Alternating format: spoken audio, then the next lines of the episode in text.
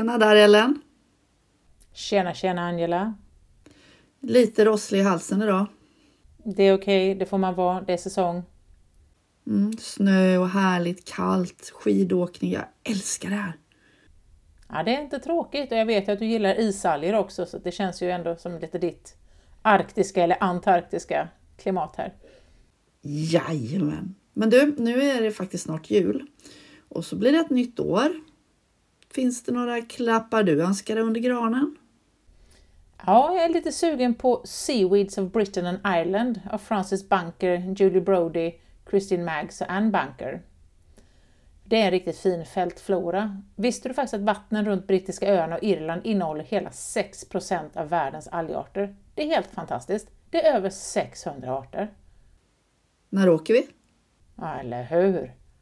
Åker vi så vill jag ha med den här boken. Det, boken beskriver över 230 arter i detalj med färgfotografier. Och då finns det information om storlek och habitat och utbredningskartor så vi vet vart vi ska åka om vi vill se just de här algerna. Och sen så har de även tagit med över 50 nya arter för området som inte fanns vid det förra, äldre då, British Seaweeds-boken, som är gammal. Och sen för många av arterna så har de också med information om hur man identifierar dem till artnivå, vilket vi gillar, med hjälp av mikroskopiska karaktärer. Och dessutom har de tagit med viktiga särdrag och arter eller karaktärer då, som ofta är knepiga eller förvirrande. Så det är en kalasbok helt enkelt. Men du, vad väger den? Den är inte så stor, den är i pocketformat så att den, den funkar. Jag säger att den ligger under, lätt under kilot. Jag tror till och med den ligger under halvkilot. Helt okej. Okay. Ja. Vad vill du få av tomten då? Ja du, det finns ju en riktig bestseller som heter The Diatoms av Frank Round, Richard Crawford och David Mann. Ja, den, den är nog på många önskelista i år kan jag tänka mig. Den är på 747 sidor. Åh, en liten slim sak. Vad väger den då? Jag funderar just på det. Jag tror att där kommer man väl upp i en, en eh, lagom hantelstorlek på en 3 kilo eller något. Okej, okay, så det här är alltså en bok som man har med sig, kanske inte så mycket ut i fält, men den är bra att ha när man ska pressa sina makraljer? Eh, jag skulle vilja påstå att det här är en bok som man tar med sig överallt och så, tar man, så väljer man då mellan ett extra par skor eller den här boken. Då tar man boken. Ja, diskbrock är ju bara för mesar. Ja. ja, men du, jag tror att många av våra lyssnare gärna skulle ha båda banden av dansk algflora. Då får de nog vara snälla i minst ett år till för den är fortfarande helt slutsåld på det danska förlaget, säger de på hemsidan. Ja, men du, om man har tur kan man hitta den kanske i någon liten isolerad butik på landsbygden. Fast den var ju helt slut på förlaget, ja så var det förstås. Då. Om man vill ha den på danska då. Men eh, om man nu inte riktigt fixar det här med eh, den fantastiska danskan, det här musikaliska språket, så kanske den finns på engelska, var det inte så? Jo då, den finns på engelska. Den kom ut i år och den finns att få tag på på nätet har jag sett. Adlibris har den. Sök på Danish Seaweeds så hittar du den. Jag klickar direkt. Och det är en ganska stor tur tycker jag, för den boken är helt ovärderlig om man vill kunna nyckla någonting utöver de vanligaste arterna. Jag såg även att det har kommit ut en annan spännande bok i år. Och de heter Seaweeds of the World av John Bothwell. Jag har inte själv läst den, men av beskrivningen av döma så är det en bra överblick över världens vanligaste släkten och familjer av makroalger, indelat då klassiskt rött, brunt och grönt. Och den utlovar även livscykler. Woho, sånt gillar vi! Eh, den kan man hålla utkik efter. Eh, jag har faktiskt en annan på mikrofronten och den är på norska, nu har vi tagit danska nu. Norsk kustplanktonflora av Tronsen, Hassle och Tangen. Det är en riktig pärla. Oho, ja vi, vi gillar ju våra skandinaviska grannar här. Vad, vad kan vi förvänta oss för highlights i den boken? Ja men det är typiskt om man, eh, alltså man behöver mikroskop med mikroalger, det vet vi ju. Men alltså om man får en överblick över olika grupper och deras kännetecken. Det är ingen riktig, riktig nyckel, men det är lite nyckling i den också. Så att, eh, nej men jag tycker att det är en bra bok. Det är inte bara för nybörjare, men man kan vara nybörjare också. Ja, men en bra, ett bra startkit helt enkelt för, för den som kanske också då får ett mikroskop eller en stereolupp i julklapp. Absolut, och sen ska vi ju inte i, i vår, eh, vårt algsällskap ska vi väl ändå inte utesluta mikroalgerna va? Nej, nej, absolut inte. Skulle aldrig få tänka tanken. Bra. Jag är ju väldigt förtjust i fältguider för jag tycker de är ju helt ovärderliga att ha med på resan. Och så gillar jag även att sitta hemma och bläddra i dem och drömma mig bort till fjärran resmål utan att behöva lyfta mig från soffan.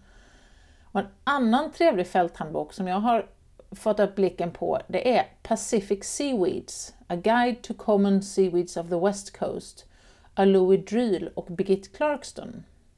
Och här hamnar vi då i Stilla havet på den amerikanska och kanske även lite då kanadensiska västkusten. Och den här boken innehåller uppdaterade artbeskrivningar och färgfoton såklart, som man kan sitta och dregla över. Nya arter som har upptäckts sedan den ursprungliga utgåvan och så helt nya avsnitt om vanliga strandväxter och användningen av DNA-tekniker för att upptäcka, katalogisera och identifiera makroalger. Superspännande kan jag tycka. Den innehåller också flera nya recept och en uppsats om umami eftersom allt fler intresserar sig för alger ur matperspektivet. Den, den har lät faktiskt skitfräck. Ja, det känns ju som att den är väldigt heltäckande i vad den liksom tar upp. Men jag tycker det är tråkigt att bara fokusera på makro. Så jag har en bok då som tar upp både stort och smått.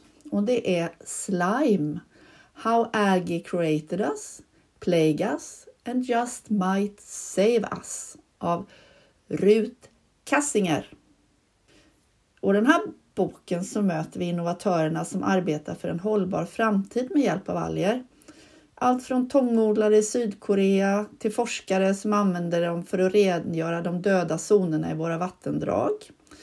Till entreprenörer som kämpar för att få ut algbränsle och algplast på marknaden. Det låter ju jättespännande. Författaren tar med läsaren på en jorden runt-resa som går bakom kulisserna i många forskningssammanhang och såklart även in i köket för den numera obligatoriska kulinariska delen. Men Slime är en intressant och underhållande bok med berättelser om det goda, det dåliga och det kommande. Serveras bäst med en soffa, varm filt och kopp med varm dryck, glögg. Mm, det låter supermysigt. En algbok och glögg.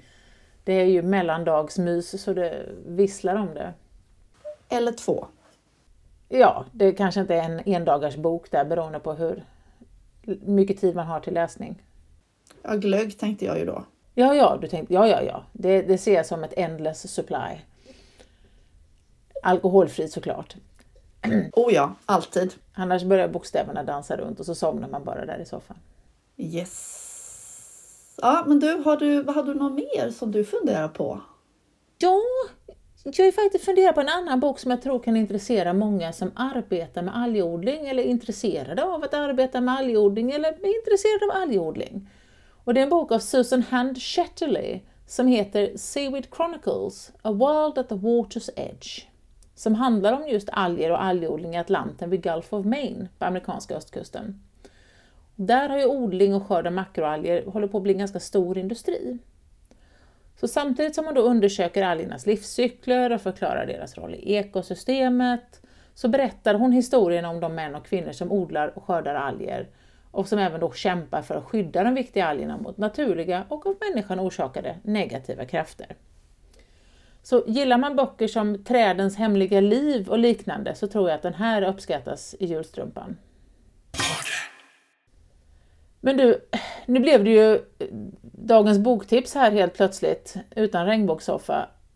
Men jag hade ju egentligen lite planer på att helt kort nämna Brogniartella bysoides, en rödalg som vi kallar för julgransalg på svenska. Ja, den är trevlig. Ja, visst är den. Det är ju en jättetrevlig liten fintrådig rödalg som växer grunt, påminner lite om upprepad sammet tycker jag. Och så har den ju en julgransform som gör att den är ganska lätt att känna igen när man väl vet vad man ska leta efter. Vad är upprepad sammet? Ja men om du tar sammet och så, så drar man en tråd där så liksom reta, repar upp sig så blir det lite sådär, det blir lite fnuss kvar liksom. Ja men du, det stämmer ju bra på den. Mm. Och sen så, så, när man väl ser den så ser man att den är jättevanlig. Det är sådär som att när, när man väl har liksom, ja, trattkantarell. Ser man Ja. en ser man alla. Mm. Men eh, vet du vad? Nej. Den heter inte Brångnertella längre. Ja, men för, alltså, nu höll jag på att säga ett fult ord. Jag orkar inte. Jag orkar inte Ellen. Nej, jag vet. Sedan 2017 så heter även denna vertebrata. Verte, Vertebrata. vad är det för sjukt namn? Vertebrata byssoides. Ja. Artepitetet fick den i alla fall behålla. Och det är fortfarande då Good Enough and Woodward som står som auktorer inom parentes. Så ändringen beror på att det var, nu är det, eh, det var Kuntze som namngav den 1891 som vertebrata. Tidigare gällande auktorer för Brognertella då var F. Schmitz. Han, han namngav den 1893, så innan var det Good Enough and Woodward Schmitz. Men nu är det Good Enough and Woodward Kuntze. Och så är ju reglerna. Äldsta beskrivningen gäller. Men om jag skulle byta namn på mig så tycker jag att Good Enough är ett givet val. Vilket underbart namn! Det får duga. Ingen Alltså, överprestation här inte. Jag tycker det är ett fantastiskt bra namn, men jag hakar ändå upp mig på vertebrata. Alltså det är ju ryggradsdjur. Jag vet, och det känns som att nu är det zoologiskt trams som går in här i allvärlden. Dumheter, vi... Åh. Jag, jag, jag bara tappade feelingen helt enkelt, så det, det fick bli boktips idag. Ja, men okej, alltså julgransalg. Jag gillar det svenska namnet. Den här gången tycker jag att det passar riktigt bra faktiskt. Ja, det håller jag med om. Det är verkligen. Ser man, ser man en rödalg som ser ut som upprepad samhet och påminner kraftigt om julgran, då är det julgransalg man ser. Har du den pressad i ditt herbarium? Självklart! Var hittar man den då? Du hittar den ganska grunt, från 2-3 meters, alltså det är snorkeldjup. Det låter som att man kanske skulle vid en, ett, ett algsällskapsmöte kunna leta lite. Det är en alldeles ypperlig alg att samla in, artbestämma och pressa under ett allsällskapsmötes tillfälle. Men du, med, med julgransalg så känns det ändå ganska lämpligt att önska våra lyssnare god jul nu. Det tycker jag, och så kan vi önska gott nytt år, för vi passar nämligen på att ta lite julledigt, så nästa avsnitt av Algpodden det kommer först på nya året. Alltså jag kan ju inte, jag kan inte bärga mig för det är så himla kul att spela in det här. Härligt, nu har du hela julen på dig att sitta och koka ihop spännande små avsnitt. Ja men 747 sidor om kiselalger. Ja, det är ju högläsning. Alltså, ja, varför inte? Men hörni, glöm inte bort att höra av er om ni vill gå med i Svenska algsällskapet. Helt opretentiöst. Skicka ett mejl till ellen at biologik.se så står det med på vår mejllista. Och så får ni ha en riktigt skön ledighet, så hörs vi nästa år. Ja, men det gör vi. Tjing tjing! Hejdå!